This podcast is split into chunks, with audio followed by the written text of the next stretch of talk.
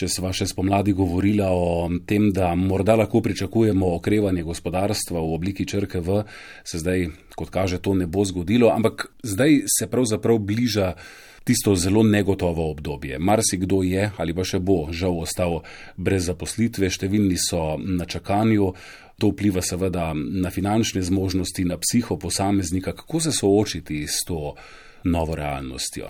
Ja, takrat maja, ne, ko smo se na zadnje srečala, eh, dejansko so, se je špekuliralo, mora biti o črki V. Eh, seveda to je bil optimističen scenarij, vedno je bil v igri tudi kakšen drug scenarij, malo manj optimističen. Eh, zdaj se je izkazalo, da pač prihaja, oziroma je prišel ta drugi val, čaka se cepivo, negotovost je zaradi tega tudi toliko večja, ni, ni več govor samo o zdravstveni krizi, prihaja tudi gospodarska kriza in definitivno definitivno bomo to čutili tudi mi na naših denarnicah, v naših denarnicah. Eh, zato je smiselno, da izkoristimo to karanteno. Vsi vzamemo čas in pregledamo naše stanje, kakšno je naše um, premoženje, kaj imamo, česa nimamo, kako bi morali drugače ravnati z denarjem. Um, v Ameriki imajo tak zelo zanimiv a moment trojni A moment in sicer admit, uh, priznaj si svoje trenutno stanje, acknowledge, se pravi, sprejmi svoje čustva in take action, pojdi v akcijo. Jaz mislim, da se slovencem dosti krat zatakne pri drugi točki, uh, ker se morajo soočiti s svojimi čustvi in to je zna biti kar zelo boleča izkušnja. Uh, mimo grede, uh, pred časom sem prebrala neko statistiko, da se je povečalo povečalo število izdanih receptov za antidepresive in že to v bistvu nakazuje, da so ljudje res v stiski. Katarina Veselko, kako se ljudje vedejo, kako je ljudi zadelo pravzaprav vse, kar se zdaj eh, dogaja? Glavna značilnost trenutne situacije je predvsem negotovost. Se pravi, ljudje ne vejo, kaj bo. In lažje nam je, kadar vemo, tudi če predvidevamo, da se bo zgodilo nekaj slabega, nam je dost lažje, kot pa ob tem, da ne vemo, ne vemo, nekoliko časa bo to trajalo, nekakšne posledice bo imelo. In ta tesnoba je nekaj, kar so naši možgani uh, načeloma nastavljeni tako, da jo poskušamo čim hitreje rešiti, tako da si najdemo neko razlago. Zdaj pa že to zelo dolgo traja in so ljudje tudi utrujeni od tega ustrajanja v negotovosti. Tako da mislim, da je negotovost tista, ki najbolj zaznamuje ljudi in trenutno že precejšnja utrujenost od te negotovosti. Kaj lahko storimo? Kako se lahko, ne vem, pomirimo? Tukaj sta pravzaprav dva pristopa. En pristop je ta praktični pristop. Kaj lahko vseeno naredimo, tudi ravno zato, da se pripravimo na to negotovost v smislu premišljeno uh, ravnanje z denarjem, če vemo, da je naša ekonomska prihodnost negotova. Tudi konec koncev premišljeno ravnanje z odnosi, stiki, se pravi, da ravnamo na način, da v tem, da ne vemo, kaj se bo zgodilo, da se čim bolje pripravimo na to prihodnost. Druga stvar je pa, kako ravnamo s to tesnobo samo po sebi ker čustva ne izpuhtijo, ker potem, ko poskrbimo za praktične stvari, še posebej ne, če za praktične stvari ne moramo zares razumeti. In zato so pomembne tudi strategije, kako ravnamo s temi čustvi.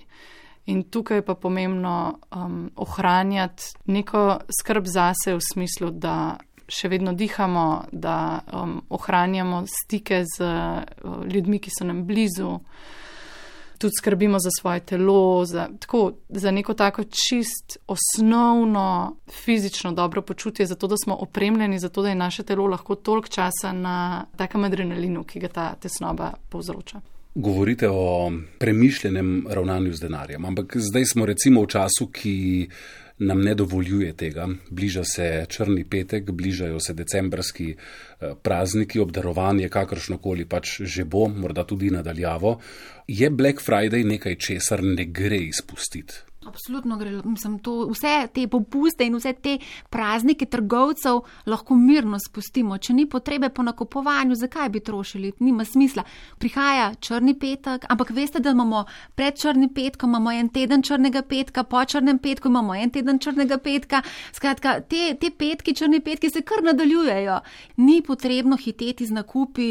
Seveda, um, lahko pa lovimo ugodne priložnosti, če seveda želimo si kupiti nekaj, kar nujno potrebujemo ali če če želimo kupovati darila ali karkoli, lahko seveda to izkoristimo za ugodne nakupe, ampak ne za nepotrebne nakupe. Ja, to ustvarjanje občutka pomankanja in nujnosti je v bistvu tisto, zaradi česar so ti prazniki nakupovalni. So si jih izmislili ravno zaradi tega, ker ljudje takrat, kadar smo pod pritiskom, zdaj se moramo odločiti, potem včasih kar, pa dobro, pa bom. Ne, ne da bi zares razmislili. Jaz mislim, da je vse te popuste koristno izkoristiti, če imamo neke načrte, kaj želimo kupiti. Se pravi, če imam jaz nakupovalni seznam, kaj potrebujem, je popolnoma smiselno, da v tem času to naredim, ne pa da kupujem stvari, ki jih sicer ne bi. Lani približno ob tem času ste bili gostja na valu 202 in takrat ste pravzaprav govorili o tem, da je treba decembra premisliti uh, o tem, da je čas, ki ga podarimo bližnjim, recimo bistveno več vreden kot neka stvar, ki jo podarimo. Ampak časa si letos podarjamo kar veliko, bo zdaj kdo rekel. Ja, vprašanje, če ga podarjamo drug drugemu. Jaz mislim, da je to pravzaprav mogoče tukaj vseeno težava, ker se zdaj ljudje, ki so si blizu, ne morejo srečevati, ne morejo imeti takšnih praznovanj, kot smo jih vajeni. In um, je mogoče tudi od izvira malo potreba potem, da bi to ljubezen izrazili tudi skozi darila, tudi na neke drugačne načine. Konec koncev smo se takrat lansko leto pogovarjali o tem, tudi kako je fino podarjati doživetja, skupen čas, skupne trenutke. Zdaj ne vemo, a bo ta oseba lahko izkoristila svoj bon za ne vem, karkoli že v naslednjih, kdo ve koliko mesecih. mesecih ja. Um, in je zato precej negotovo, kar se tega tiče.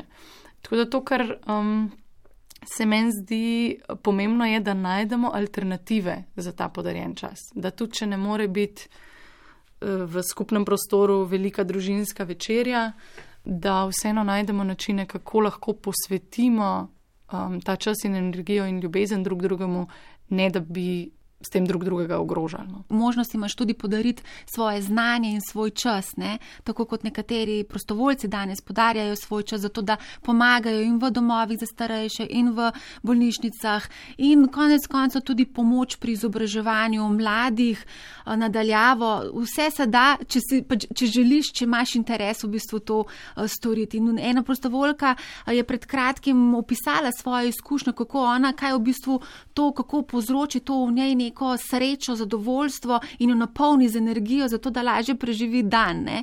Mogoče je to tisto, kar te lahko danes pomiri, da daš nekaj sebe ven nekomu drugemu. Dajati in sprejemati pomoč sta pravzaprav dve pomembni strategiji za soočanje z tem akutnim stresom, v katerem smo. Ne? Poleg dihanja, športa, teh stvari, o katerih sem prej govorila, je ponuditi pomoč tistemu, ki jo potrebuje, in sprejeti jo in si dovoliti sprejeti to pomoč, če jo mi sami potrebujemo.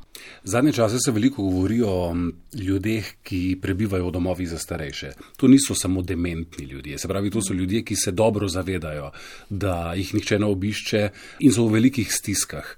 Kaj bi recimo vi priporočili svojcem, kako naj sploh zdaj v tem prazničnem času, kakršen koli že bo, bo prazničen? Uf, to je izjemno pomembno vprašanje, ker osamljenost ni samo psihološki problem, osamljenost je zdravstveni problem. Ljudje, ki so osamljeni, dejansko jim slabše deluje imunski sistem. Tako da to, to sploh niso nedolžne stvari. In zelo težko je človeku samemu nekaj narediti za to, če je pač uh, izoliran. Še posebej starejšim, ki ne morejo recimo tega tako zelo, ker niso tako domači z tehnologijo. Mi recimo znamo tudi prek uh, uh, različnih tehnoloških sredstev sečno vzven poiskati skupnost.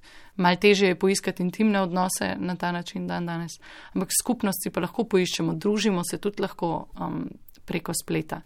Ali oziroma kako kriza vpliva recimo tudi na neke pomembne življenjske dogodke oziroma na njihov odmik v prihodnost? Zelo, zelo vpliva. Jaz mislim, da ljudje odlašajo pomembne življenjske odločitve na kasnejše obdobje, ker ravno zaradi te negotovosti ne upajo tvegati.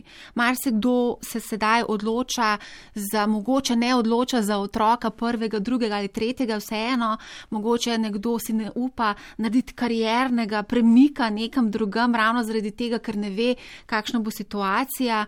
Te zadeve se odmikajo v kasnejše obdobje in v bistvu mladi danes, tisti, ki so prišli z fakultet, so v res nezavedljivem položaju, ker v bistvu so zaključili fakulteto, stopili na trg dela, ne dobijo službe, pošiljajo prošnje, so zavrnjeni ali pa tudi ne dobijo spoh nobenega odziva nazaj in so v zelo, zelo v bistvu taki čudni situaciji in je vprašanje, kako bodo v bistvu prebrodili v bistvu to obdobje.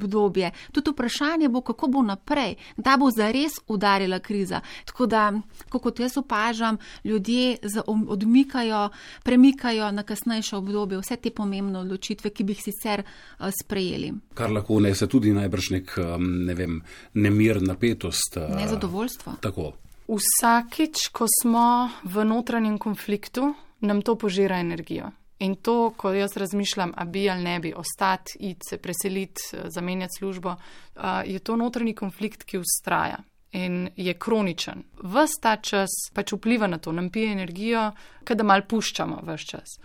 In hkrati v tem trenutku je preprosto preveč na vso to negotovost dodati še eno dodatno negotovost. In si ljudje zelo se držimo stvari, ki jih poznamo zelo se držimo stvari, kjer vemo, kako nekaj bo. Od tod tudi zadnji so me nekje spraševali, zakaj ljudje rinejo v McDonald's. Pa v neke okoliščine, kjer pridem tja in točno vem, kako se bojo stvari odvile. Vem, kaj naročim, vem, kaj dobim, um, vem, kako vse skupaj teče. In jaz mislim, da je, da je to nekaj, kar zdaj zelo, zelo rabimo in da zaradi tega ne bomo povečevali negotovosti, ampak jo bomo kvečemu poskušali zmanjševati. Čeprav je mogoče situacija, v kateri smo, ni fajn, nam je pa vsaj znana. Katarina Veselko, Marja Milič, hvala lepa za obisk na valu 202 in prijeten december, če ravno drugačen od vseh prejšnjih. Hvala enako. Poslovne krivulje.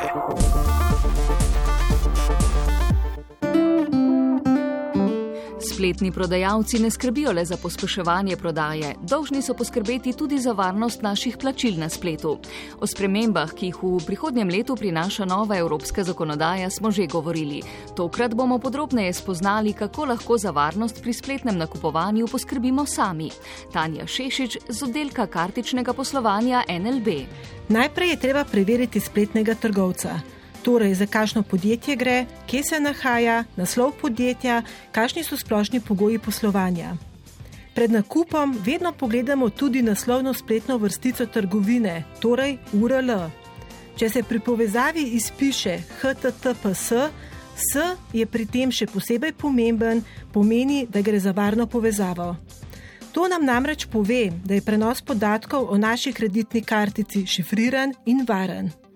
Preverimo tudi, kakšne so izkušnje naših prijateljev s tem spletnim trgovcem in po spletu poiščemo mnenja ostalih kupcev. Če mnen ne najdemo ali so pretežno negativna, se za nakup pri takem spletnem trgovcu raje ne odločimo.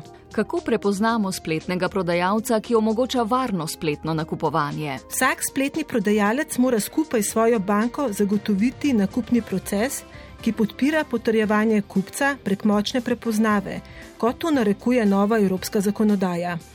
To pomeni, da se v plačilu zahtevata najmanj dve stopni potrjevanja nakupa. Morda se sliši zapleteno, a za uporabnike bo to pomenilo še hitrejši in še varnejši spletni nakup kako bo potrjevanje nakupa prek močne povezave izgledalo v praksi. Trenutno za nakupovanje prek spleta nudimo potrditev nakupa, ki je podprta z varnostnim standardom. To je z enkratnim geslom, ki smo ga prijeli v obliki SMS poročila. Po 1. januarju mora prepoznava plačnika temeljiti vsaj na dveh elementih in sicer po načelih nekaj, kar ve le uporabnik, naprimer PIN koda, nekaj, kar ima le uporabnik, kot je pametni telefon, ter nekaj, kar je le uporabnik, to so biometrični podatki. Tako ima imetnik možnost potrditve spletnega nakupa z biometrijo v NLBP, če njegova naprava omogoča prepoznavo prstnega vtisa, prepoznavo obraza ali ima štirimestno geslo, vkolikor imetnik nima telefona z biometrijo. Zagotovo gre za hitrejši način potrjevanja plačil v primerjavi s prepisovanjem kod iz SMS-a, predvsem pa varnejši način potrjevanja identitete posameznika. Naslednjim letom bo torej res konec prepisovanja kod iz SMS-ov za potrjevanje spletnih nakupov. Čeprav so se uporabniki tega načina že navadili, verjamemo, da bo nov način potrjevanja z biometrijo ali PIN kodo v mobilni denarnici NLBP varnejši, še preprostejši in hitrejši. Spremljajte nas tudi v prihodnji oddaji, ko se bomo s Tanjo Šešič pogovorili o konkretnih primerih in prikazali, kako se bodo nastajajoče spremembe odražale v spletnem prostoru. Preselili se bomo na splet in spregovorili o primerih dobre prakse.